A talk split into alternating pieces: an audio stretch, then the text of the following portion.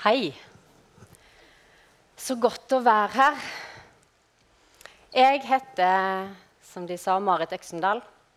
Jeg er gift med min fantastiske mann Kenneth, som sitter nede i salen.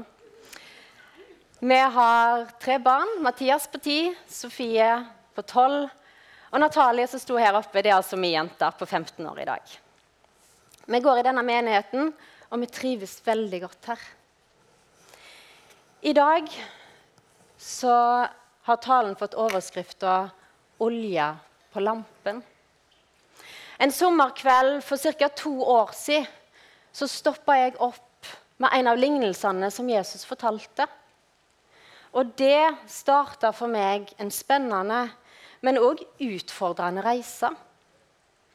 Og Jo mer jeg har fundert og grunna på innholdet i denne lignelsen, jo mer alvorlig, men òg viktig, har budskapet blitt for meg. Så det er derfor jeg eh, står her med ydmykhet i dag. Kjenn vi bare be litt. Gode Gud, jeg bare ber om at dette her må bli sånn som du vil, som du har tenkt, Herre. Gi meg dine ord. Hellige Ånd, jeg ber om at du må åpne hjertene. Du må hjelpe oss til å åpne hjertene for det som du har for oss i dag. Sånn at det kan få slå rot og bære frykt, Herre. Amen. Den lignelsen som jeg stopper opp med, den har overskrifta 'Lignelsen om brudepikene'. Og Den står i Matteus kapittel 25. Så har du Bibelen med, så slå gjerne opp, så skal vi lese sammen. Kapittel 25, vers 1, 1-13. Da kan himmelriket sammenlignes med ti brudepiker som tok oljelampene sine og gikk ut for å møte brudgommen. Fem av dem var uforstandige, og fem var kloke. De uforstandige tok med seg lampene sine, men ikke olje. Men de kloke tok med seg kanner med olje sammen med lampene. Da de trakk ut før brudgommen kom, ble de alle trette og sovnet. Men ved midnatt lød det et rop. Brudgommen kommer, gå og møt ham! Da våknet alle brudepikene og gjorde lampene i stand. Men de uforstandige sa til de kloke, gi oss litt av oljen deres, for, våre lamper, nei, for lampene våre slukner. Nei, svarte de kloke, det blir ikke nok til både oss og dere. Gå heller til kjøpmannen og kjøp selv. Mens de var borte for å kjøpe, kom brudgommen. Og de som var forberedt, gikk sammen med han inn til bryllupet, og døren ble stengt. Senere kom også de andre brudepikene og sa, 'Herre, Herre, lukk opp for oss.' Men han svarte, 'Sannelig, jeg sier dere, jeg kjenner dere ikke.' Så våg da for dere kjenner ikke dagen eller timen.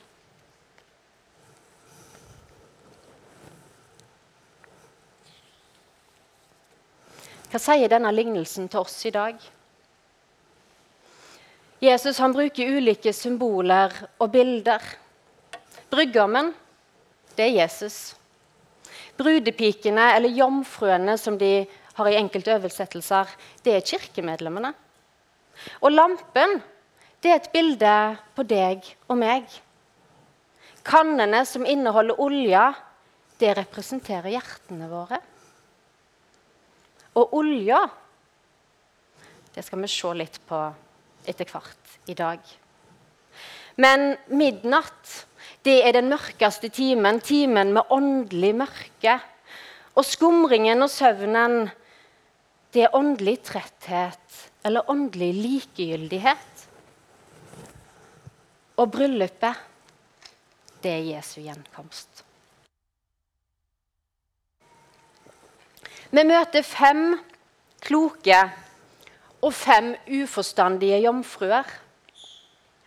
Alle de ti jomfruene, eller brudepikene, har samme utgangspunkt. For alle var de brudepiker. De gikk ut for å møte brudgommen. Eller de hadde alle samme forståelse for at de skulle møte brudgommen, og de gikk ut for å møte han. Og de hadde alle lamper med lys i. Ytre sett så hadde de alt på plass. Og det er ikke sikkert at vi bare med å se på de hadde sett forskjell. For alle hadde de lamper som lyste. Men så var det dette med ekstra olje. For det indre livet til brudepikene, det var forskjellig. Det som ga lampen sin funksjon. For en lampe, den er jo til for å lyse. Det å ha olje på lampen det betyr å ha en personlig og levende relasjon med Jesus. Det å lære seg å lytte til Den hellige ånd som bor i oss. Det å stole på han og leve i den relasjonen sammen med han. Og lampen, det er du, og det er meg. Det er karet som Den hellige ånd bor i. Og det å ha olje på lampen betyr jo da for oss at vi kan ha en personlig relasjon med Jesus. Olja kan òg betegnes som den åndelige karakteren eller de åndelige fryktene som vokser ut fra det livet som vi har med Jesus. Så ser vi at det indre livet ikke var på plass hos fem av de brudepikene. De hadde ikke det som skulle til når tida drøyde ut. Da slukna lampene for halvparten. Og når disse fem uforstandige brudepikene prøver å tenne lampene, så innser de at de har ikke nok olje, og så spør de de andre brudepikene om å få litt olje fra dem. Men hva er det som skjer? Vi ser at de blir sendt bort for å kjøpe sjøl. Først så høres det egentlig litt egoistisk ut. Hvorfor kunne ikke disse kloke brudepikene dele litt med seg? Vise litt solidaritet, litt medfølelse? Men de kloke brudepikene de visste at det var umulig å dele. For olja, som representerer Guds ånd, er ikke mulig for et menneske å dele med noen andre. Den åndelige karakteren eller åndens frykter kan vi ikke dele. Jeg kan dele Guds ord med deg. Jeg kan gi deg en bibel. Men jeg kan ikke dele Den hellige ånd. For vi kan ikke leve på andres tro. Det holder ikke å være med de rette folka i de rette miljøene eller i den rette menigheten. Fellesskapet har absolutt en viktig verdi, for vi skal hjelpe hverandre til, fram til troa på Jesus. Vi skal inspirere hverandre, vi skal løfte hverandre opp. Men hver og en må bygge sin egen relasjon med Jesus. Så det er ikke nok å være hver en del av miljøet. Så de kloke brudepikene de ønsket ikke de uforstandige noe vondt. De visste bare så inderlig vel at den kraften som holdt liv i deres egen tro, den var ikke hos de sjøl. Det var ikke av egen kraft at deres lamper lyste. For troens kraft, den finner vi bare hos Gud. Og hver og en må da ha sin egen relasjon med Jesus.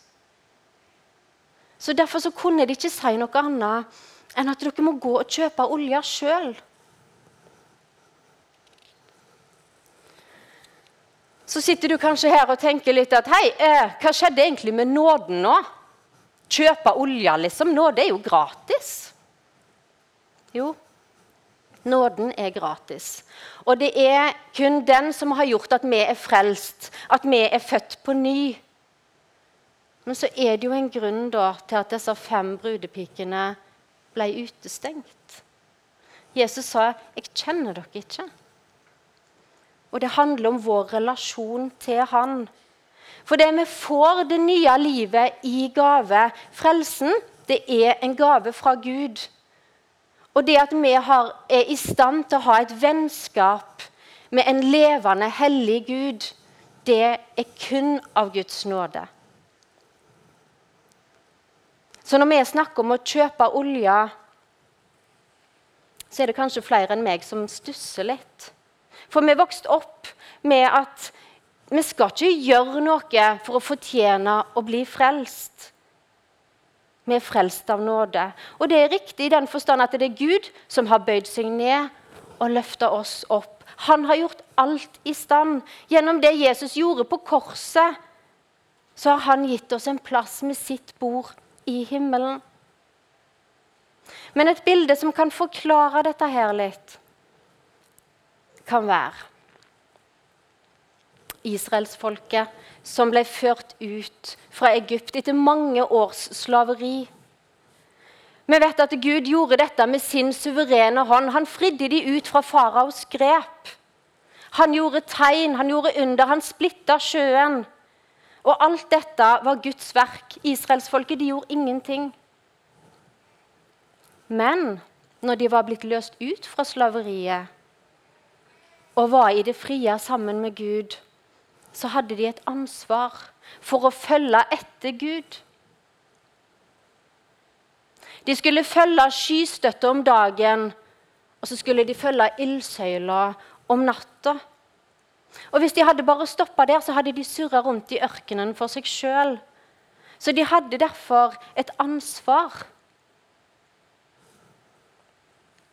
Gud hadde frelst de ut av nåde, men de hadde et ansvar for å følge etter han og leve sammen med han i lydighet. Og Det er dette som er hverdagen vår òg, folkens. Vi er frelst av nåde, men samtidig så har vi en oppgave i å følge Gud.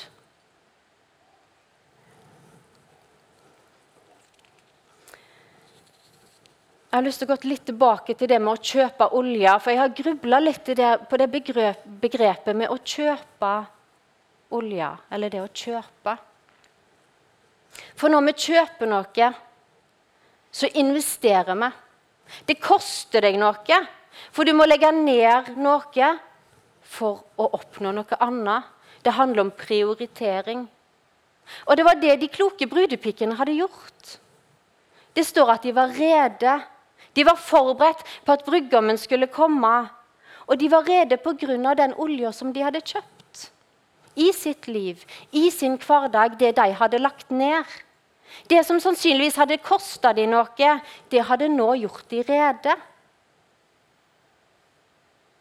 Men hva er det som gjør oss rede, da? Hva er denne olja i våre liv? Og Vi skal se litt på det som Paulus skriver i Efeserbrevet. I kapittel 1, vers 3, så skriver han Han som i Kristus har velsigna oss med all åndens velsignelse fra himmelen. Ordet 'har' her er viktig. Og Det er kanskje ikke alltid at vi føler det sånn i livet vårt, men det er viktig å vite at han har allerede nå velsigna deg med all åndens velsignelse. Alt det du trenger. Og Videre i dette kapittelet så står det mange ting vi har. I Han så har vi friheten.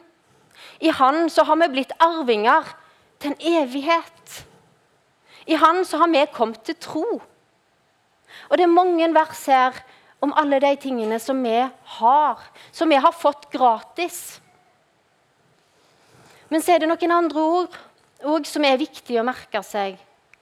For det står 'i ham'. I Han så har vi alt det vi trenger. Det er ikke sånn at Når vi snakker om å kjøpe, ja, så er det sånn at vi har fått frelsen, men nå må du begynne å kjøpe deg litt kraft og litt frimodighet. Nei, vi har absolutt alt det vi trenger. Det har vi i Jesus. Han er frelsen vår. Han er sannheten. Han er veien, sannheten og livet. Det er ikke sånn at Jesus viser oss veien. Nei, han er veien. Så jobben min når vi snakker om å kjøpe olje, det er å lære meg å leve i Han. Der som alt det jeg trenger, finnes. Det å koble meg på det livet som jeg har fått i Han. Og så kommer vi tilbake til at det handler om å kjenne Jesus. Og bli mer lik Han.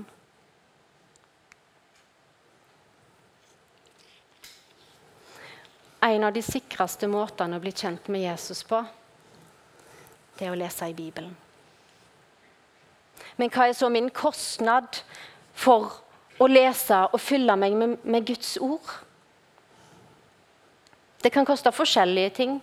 Sosiale avtaler, trening, TV eller skjerm og underholdning.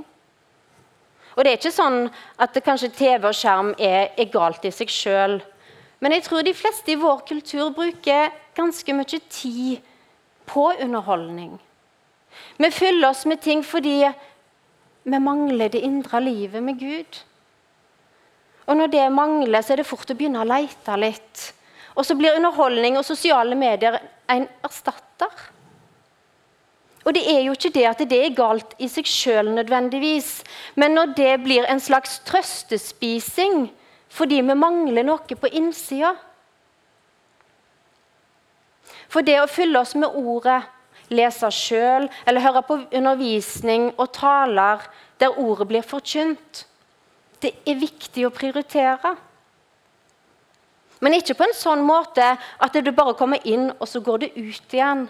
Men på en sånn måte at det får slå rot, at det får spire og utvikles til frykt i våre liv.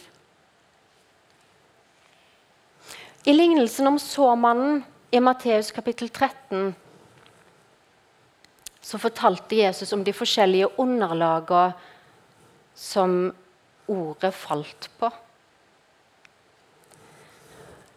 Det som ble sådd blant torner, det er det, den som hører ordet.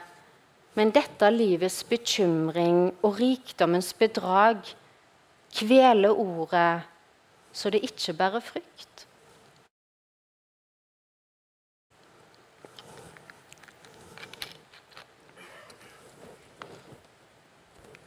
I Jesaja så står det Bryt dere nytt land, ikke så blant torner. Og det høres jo logisk ut. Altså Hvis jeg skal, skal plante noen flotte planter, så planter jo ikke jeg dem blant tornebuskene. Det sier seg sjøl. Men gjør vi det i våre liv? Forventer jeg at livet med Gud skal vokse fram når vi planter det i et liv som er fylt med så mange ting. Ting som vi ikke Eller som vi kan tenke på som torner, og som kveler det nye livet. Jesus nevner denne verdens bekymringer og rikdom. Disse tornene som vi kanskje ikke tenker på som torner, og som er så veldig skadelige. For det er gjerne ting i vårt dagligdagse liv. Og så lever vi i et samfunn der alle har det sånn. Men jeg tror det kan være lurt å stoppe opp litt og kjenne etter hvor mottagelig er jeg for Guds ord i mitt liv? Hvordan kan jeg bli klar over hva er det som kveler ordet i min hverdag? Hva er det som er fokuset mitt? For selv om noen har kapasitet til å gjøre mange ting samtidig, så tror jeg det er en viktig nøkkel å tillate oss å være litt enspora. Å ha fokus på Jesus, ikke mens vi gjør alle disse andre tingene, men å gi Jesus fullt fokus. Kvalitetstid. Og hvordan dette ser ut, kan være forskjellig fra person til person. Jeg anbefaler dere å høre forrige søndags tale om trosspråk. For vi er forskjellig skrudd sammen, og vi erfarer derfor Gud på forskjellige måter. Men det som er felles for oss alle, er at vi må være villige til å velge vekk noe for å oppnå, eller fordi vi ønsker å stille inn fokuset vårt skarpt mot Jesus. Og det trenger kanskje ikke være mer komplisert enn å spørre deg sjøl har jeg sluppet inn noen ting i mitt liv som har tatt den plassen som Jesus ønsker å ha?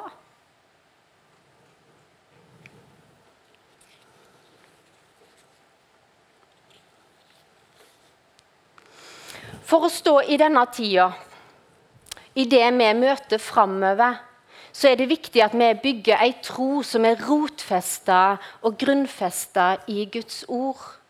Det handler om at vi trenger å være utholdende. Vi trenger et liv og en tro som har så dype røtter at det tåler en tørke eller en storm. For samfunnet vårt i dag er preget av så mange ting vi har ikke en fysisk forfølgelse her i Norge, men har vi en psykisk eller åndelig forfølgelse? Hva er det som skjer med landet vårt og vår kristne kulturarv? Kan vi fortsatt si at vi har et bibelbelte her på Sørlandet? Er det like lett å si at du er kristen på arbeidsplassen din eller blant studentene? Hva med alle debattene som preger media? kjønnsdebatten, samlivsdebatten. Vi trenger å bygge ei tro som er godt fundamentert og har dype nok røtter til at når det stormer rundt oss, så holder troa vår. Han må være sterk nok og utholdende nok til at vi ikke mister relasjonen vår med Jesus.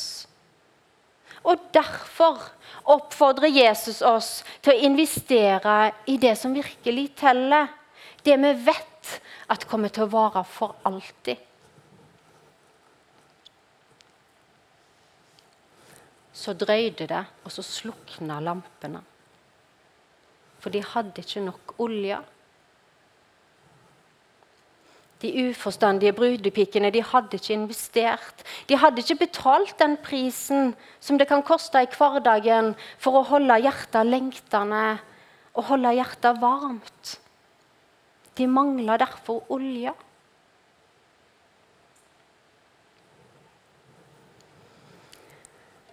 Til du som sitter her og kjenner på at uh, denne talen var egentlig, har vært ganske utfordrende til nå. Det har egentlig vært ganske heftig. Til deg så har jeg lyst til å si at uh, Gud han ønsker å møte deg der du er. For vi er her inne på forskjellige steder, og, og det er helt greit. Så kan det være at du sitter og tenker at jeg vet ikke hvor jeg skal begynne engang. Jeg har lyst til å følge Jesus, men jeg syns det er vanskelig. Og så kan vi kjenne at det, vi kjenner litt på motløshet. Men Bibelen bruker bildet vennskap. At vi har en relasjon til Jesus. Og akkurat som på hvilken som helst annen relasjon, så begynner vi jo der vi er. Og Gud han møter oss på den veien, for han vet akkurat hva du trenger. Han vet akkurat hvordan dine omstendigheter er. Om du er en travel student, eller om du er en småbarnsmor. Eller hva fase du er i ditt liv, og hvordan det ser ut i din hverdag. Det vet Gud. Og han vet akkurat hvor du skal begynne, og hva det neste steget som du kan ta, er. Og Relasjonen vår til Jesus den utvikles på samme måte som andre relasjoner. Hvis jeg ønsker at min relasjon til min mann Kenneth skal være nær og god, ja, så krever det jo at jeg prioriterer å sette av tid, sånn at vi to kan være sammen. Og på samme måte så er det på vårt forhold til Gud. For utgangspunktet er at vi vil. Utgangspunktet er at vi lengter, og så starter vi derifra. Og så ber vi Jesus om å hjelpe oss og om å lede oss og vise oss den veien. Og så er det Den hellige ånd som må åpenbare for hver enkelt hvordan dette ser ut i våre liv.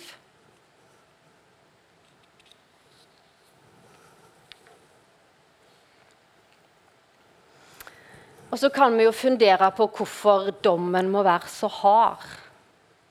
Hvorfor må noen stenges ute? Dette er ganske alvorlig. Men jeg tror likevel vi må tørre å sette ord på det. Jesus svarte, 'Jeg kjenner dere ikke'. Men Gud han vil så gjerne at alle skal komme før festen starter. Og Det er derfor han minner oss på viktigheten av å ha olje på kanna. At vi henter kraften der kraften finnes, før det er for seint. For det er så lett å sovne. Det er så lett å miste fokuset eller miste motet i stormen. Og hvis vi ikke har ei tro som er forankra Er du rede til å stå opp for din tro når ting blir vanskelig? Hvor solid er din tro når de vanskelige spørsmålene kommer? Når vi kristne blir upopulære eller gjort narr av? Er vi rede til å møte de kampene og den stormen som vil komme i våre liv? I våre omstendigheter? Eller kanskje i vår menighet? Har vi nok olje på kanna? Er vi rotfesta og grunnfesta i Kristus? Er vi trygge på eller trygge nok på Guds ord, sånn at vi kan avdekke teologi som ikke er riktig? Har vi en personlig relasjon til Jesus som vil fortsette å vokse selv om kirkelige aktiviteter blir borte? Begge grupper av brudepiker dro ut for å møte brudgommen men bare halvparten var forberedt på at gjenkomsten kunne bli utsatt, at det kunne bli tøffe tider. De kloke hadde fulgt oljekanner. De hadde reserver. De visste at troen trenger en fornyelse utenfra. Har vi en tro som er grunnfesta, sånn at vi kan holde ut når det blir tøft og vanskelig? Ei tro som er grunnfesta i din relasjon med den sanne Gud. Vi skal nå få lov til å høre en sang. Alt for Jesu fot jeg legger. Jeg kjenner at det er en utfordrende tekst. Det store ordet synger 'Jeg vil gi deg alt'. Kanskje du kjenner litt på det samme. Og da har jeg lyst til å oppfordre deg til å synge det som en bønn til Gud. At du har et ønske om å gi han alt. Og Vi går nå inn i en responsfase. Og Jeg har lyst til at du skal kjenne etter hva er det som, som Gud har lagt på ditt hjerte i dag. Og hvordan ønsker du å respondere på det? Kanskje du skal sitte og lytte til ordene. Kanskje du skal reise deg og være med i tilbedelse. Eller kanskje du òg kjenner for at det kunne vært fint å komme fram og, og knelt ned for å virkelig vise Gud at jo, jeg vil. Ønsker å ha en relasjon med deg. Jeg ønsker å fylle olja på min kanne. Jeg ønsker å hente kraften hos deg, Gud. Vi har òg forbedere som kommer til å være både her og noen vil stå der bak. Du kan tenne et lys som Som en symbolsk handling på at Jesus, det er du som er på førsteplassen i mitt liv. For Gud, han ser deg, og han ønsker å berøre hjertet ditt i dag.